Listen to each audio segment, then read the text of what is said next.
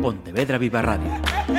Cara a cara. Damas y caballeros, la Asociación de Directores de Informativos de Radio y Televisión da la bienvenida a Juan Vaquero Barajas. Venimos a una clase, pero os aseguro mm, que va a ser entretenidísima. Y, y, quizá la persona que tengo ahora conmigo en el estudio de Pontevedra Viva Radio esté pensando, vaya forma de presentar mi profesión. ¿Cómo te presento? ¿Profe Juan o Juan Vaquero Barajas, profesor?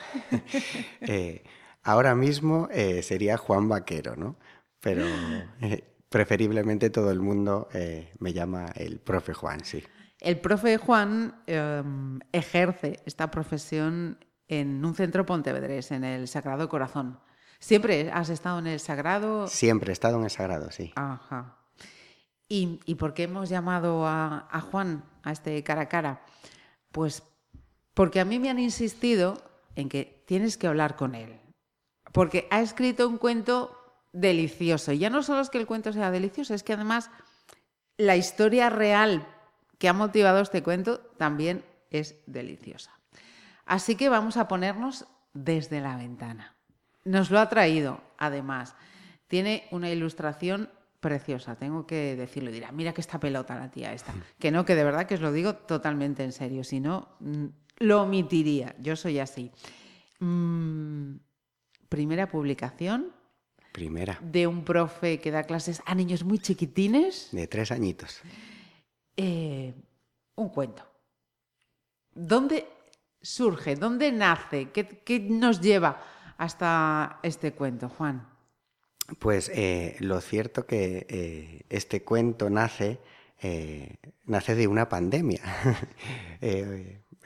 y, bueno, Hay cosas su... buenas, fijaros, que llegaron sí, a salir de la pandemia. De hecho, uno de los motivos es que yo quiero que se recuerde la parte buena que se vivió durante esos días que estuvimos tanto encerrados como en, en, casa como, los, eh, como el curso posterior. Uh -huh. Bien, ¿y mmm, quiénes protagonizan este cuento? Pues mira, eh, la, eh, lo cierto es que eh, estos dos, dos, niños, ¿vale? digamos que son el, los líderes ¿no? de, de una clase, ¿no? Digamos que Olivia, eh, aunque, se, aunque, es un nombre ficticio. ¿no? Dos alter egos, vamos Exacto. a decirlo. Eh, corresponde a una niña eh, de clase que pasó eh, un mes en su casa eh, siendo positivo. Y, claro, no lo pasó muy bien. Entonces, eh, a corresponde al niño que inicia eh, digamos, organiza a toda su clase para eh, ponerse en contacto con, con Olivia y, hacer todo lo posible para que ella se encuentre desde su casa. Su pueda, confinamiento acompañada. Exacto, acompañada. Gracias Ajá. a las familias y gracias a sus amigos y compañeros de, de clase. O sea que mmm, va a haber muchos tipos de lectores, pero digamos que va a haber unos lectores mmm, que veamos a unos mmm, protagonistas con las caritas que vienen aquí dibujadas. Totalmente. Sí. Y otros lectores que van a leer desde la ventana con unas caritas ya perfectamente identificadas. Sí, sí, bien, sí, sí, sí, Bien, bien, bien, bien. Y mm, ¿cómo ha sido para ti esto? Decías, mm, es un homenaje para ellos, es algo que llevabas dentro y dices, lo, lo tengo que sacar, lo tengo que compartir. A ver, eh, yo desde siempre eh, eh, he querido escribir un, un cuento, ¿no? Llevo muchos años siendo profe y siempre, siempre he querido eh, escribir algo, ¿no? Pero nu nunca me atreví a dar el paso, ¿no? Y, y a raíz de, de, todo lo que, lo que pasó, dije, esta es mi oportunidad, este es el mejor momento para hacerlo y qué mejor eh, que dedicárselo a ellos, a mis artistas y, y, a sus familias. Uh -huh. Porque mira que estás leyendo revuelo con el cuento, ¿eh? Bueno, eh, me lo estoy pasando muy bien, la verdad. Me estoy divirtiendo mucho y, y es una experiencia increíble, la uh -huh. verdad.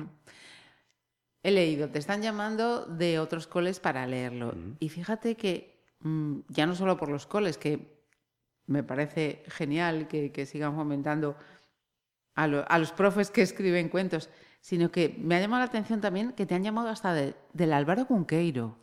Sí, eh, porque tiene un, un aula eh, es, eh, especial para, para ellos y bueno, mediante una persona pues ha, ha surgido ¿no? Esta posibilidad y, y evidentemente no me puedo negar, claro. Claro, porque además yo estaba pensando, me imagino que teniendo en cuenta mm, la historia La que narras en este cuento, que vayas a contarlo Claro. al hospital todavía tiene mayor Mucho, enjundia. mucho. Es que eh, uno, uno de los aspectos que tiene es que aunque yo eh, eh, cuento una historia que me ha ocurrido a mí con mi clase, creo que es una, digámoslo, es una posibilidad para que mm, otros colegios, otras familias se puedan ver reflejado en este en cuento, historia. porque yo creo que, que ha pasado, que es una situación que ha pasado eh, Sin duda. sin duda. seguramente en, Sí, sí, sí. Y de hecho, mm, recuerdo otro profe en otra situación diferente que, mm, que en ese caso fue una peli. En ese caso fue una peli, pero también efectivamente. em, esa parte buena que llevamos dentro también, también emergía. Eh, otra parte que yo quería tratar en esta charla, Juan, es mm, tu afán por mm, despertar esa inquietud, porque son muy chiquitines todavía, mm, despertar esa inquietud por los libros, ¿no? Sí, a ver, eh, yo soy profe de, infantil, eh, hago el ciclo entero, ¿no? De, tres a, cinco añitos. Y bueno, mm, mezclar eh, niños y niñas con cuentos, pues es, es perfecto, ¿no? Y qué mejor manera que, que despertarles esa motivación, esas inquietudes que puedan tener, ¿no? Pues a través de, de la lectura, ¿no? Ya Ajá. sea leyendo cuentos o inventándolos. Bien.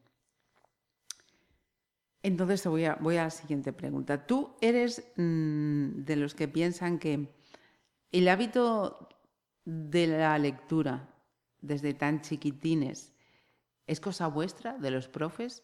¿O los padres también tienen deberes, no voy a decir diarios, nocturnos? Ni deberes, ni deberes, no vaya a ser que, que igual está mal visto decir deberes. Lamentablemente hoy decir deberes parece que está mal visto, pero, Pero no bueno. debería ser así. Eh, sí, sí, yo creo que de- tendría que ser un deber que todo papá y toda mamá eh, se siente a leer con, con su hijo con su hija eh, en cualquier momento, ya sea por la noche, que para mí es el mejor momento sin duda, eh, o a cualquier hora del día, Ajá. sin lugar a duda, sería obligatorio.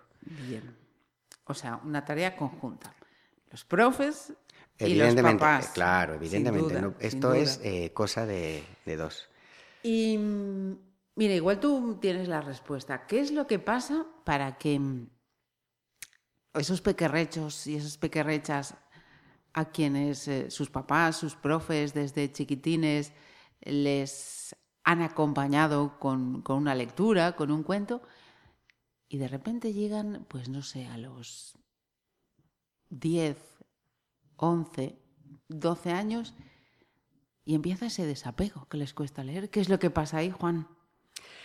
Eh, sinceramente creo que eh, entre que mm, ya ellos ya van creciendo y se van encontrando en distintas eh, situaciones, ¿no? Ya pasan de ser eh, niños a Pre. preadolescentes, ¿no? Que ya le empiezan a interesar Sí. pues otro tipo de, de cosas, ¿no? Eh, y que ya empiezan a tener quizás a mano mucha más información que no formación, pues ya sea con, con las, eh, con el ordenador, con las tablets, eh, con los móviles.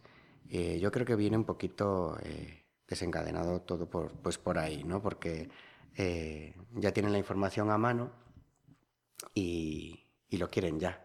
Entonces a lo mejor leerse un libro de 80, 120 páginas, pues les cuesta Les mucho. cuesta.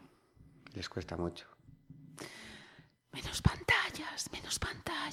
Menos pantallas, y más páginas. Pues sí, los libros los leen desde una pantalla también nos parece bien. Pero que lean, por Claro, Dios. claro, claro, Que lean, que lean. ¿Cómo haces, mm, cómo has hecho para generar ese, ese vínculo triangular entre el profe, los peques y los papás? A ver, eh, yo intento, eh, bueno, yo creo que pues, eh, todo profe o toda, toda profesora eh, quiere ¿no? que, que sus niños en clase eh, lo primero estén bien. ¿no? Entonces, creo que generar ese clima de confianza y afecto para que las familias se sientan seguras. ¿no? Entonces, yo soy muy, muy, muy llano, ¿no? Y, y- y le quito eh, eh, importancia a muchas cosas, ¿no? Y si hay algún problema, pues se le dice claramente e intentamos eh, solucionarlo. Y yo intento eso, darles mucha confianza, mucha confianza y sobre todo mucha, mucha tranquilidad. Ujú. Sobre todo pues cuando son muy pequeñitos, cuando llegamos al periodo de adaptación con los de tres añitos, pues que los papis siempre llegan muy, muy nerviosos. ¿no? Ujú. Están más nerviosos algunos padres que algunos peques, ¿no? Mucho, mucho. Lo pasan mal. De hecho, eh, hay tres periodos de adaptación, ¿no? Que es el, el de los niños, el principal, ¿no? El más importante. Luego está el de los padres y luego está el de los El- profes. Pero quizás quien lo pase peor de, De las tres de las tres partes. partes sean, sean los padres. Igual vamos a seguir tocando alguna arista más de esta cuestión, pero quiero que, que hablemos de un, de un ejemplo que me estaba contando antes de abrir los micrófonos, de, de cómo generó ese vínculo en un momento tan jorobado como fue la pandemia, porque además es que el, el relato casi parecía un cuento, Juan. Eh, ¿Cómo conseguiste em, eso, generar ese, ese lazo entre los peques, las, tú decías, las familias, las familias y el profe desde una pantalla. Que si ya puedes, tiene que ser y saber hacerlo en el tú a tú, hacerlo a través de, una pantalla mm, tuvo que ser mucho... Y él lo cuenta como si fuera lo más sencillo del mundo y vais a escuchar. ¿Me lo repites, porfa?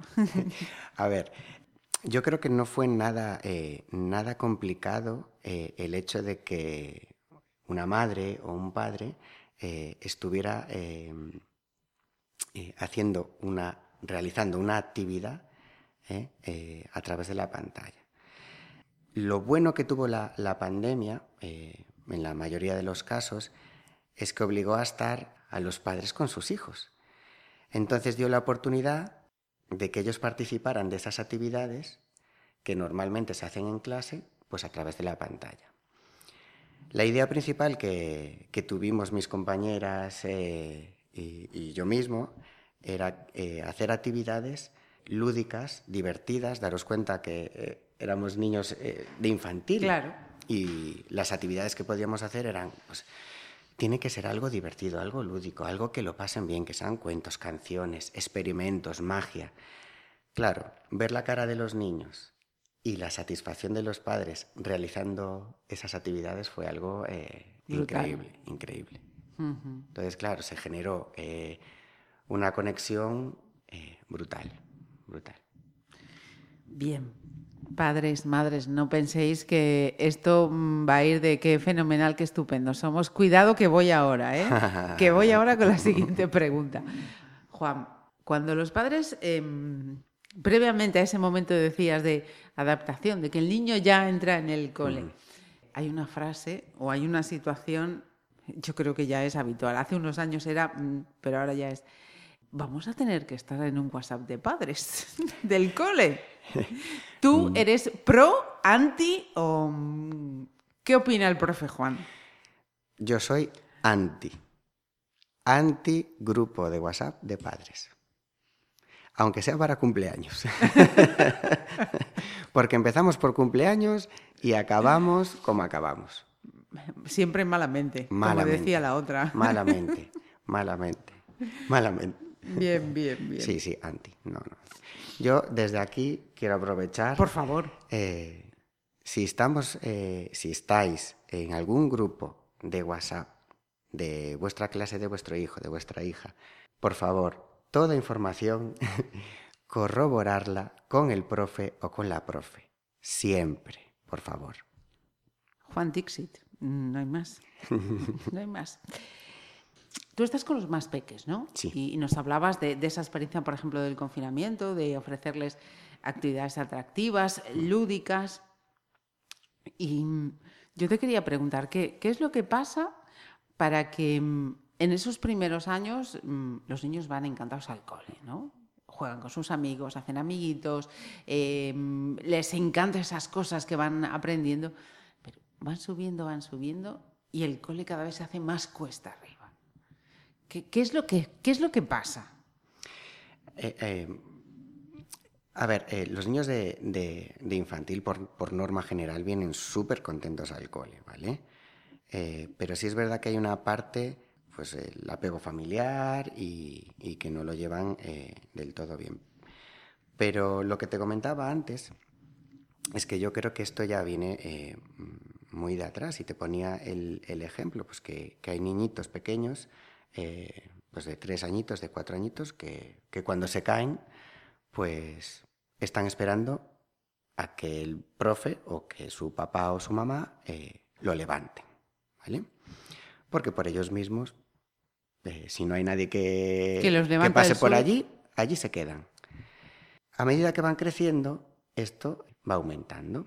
Entonces, cuando tienen que realizar alguna actividad que sea un poquito más complicada de lo normal, pues por norma general, en vez de eh, darle las herramientas para que él solucione esos, esa, esas dificultades, dificultades actividades, esas actividades sí, que, sí, sí, que, él, que, él, tiene que hacer, pues eh, por norma general eh, se las hacemos, se las hacemos. Entonces, el, ese niño, esa niña no va a saber cómo Aprender realizarlas. A ser autónomo, claro. claro.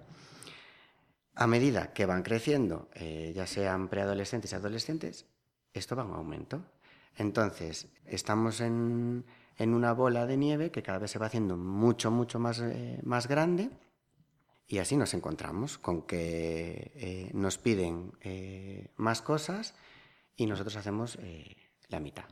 Y va uh -huh. un poquito pues, por ahí. Además, también tiene que ver, la otra parte es que eh, pasamos de infantil de actividades súper lúdicas, manipulativas, a pasamos a primaria y secundaria, en el que el trabajo ya es mucho más de específico, uh -huh. más de estudiar, más... Entonces, eh, to todo influye, todo uh -huh. influye.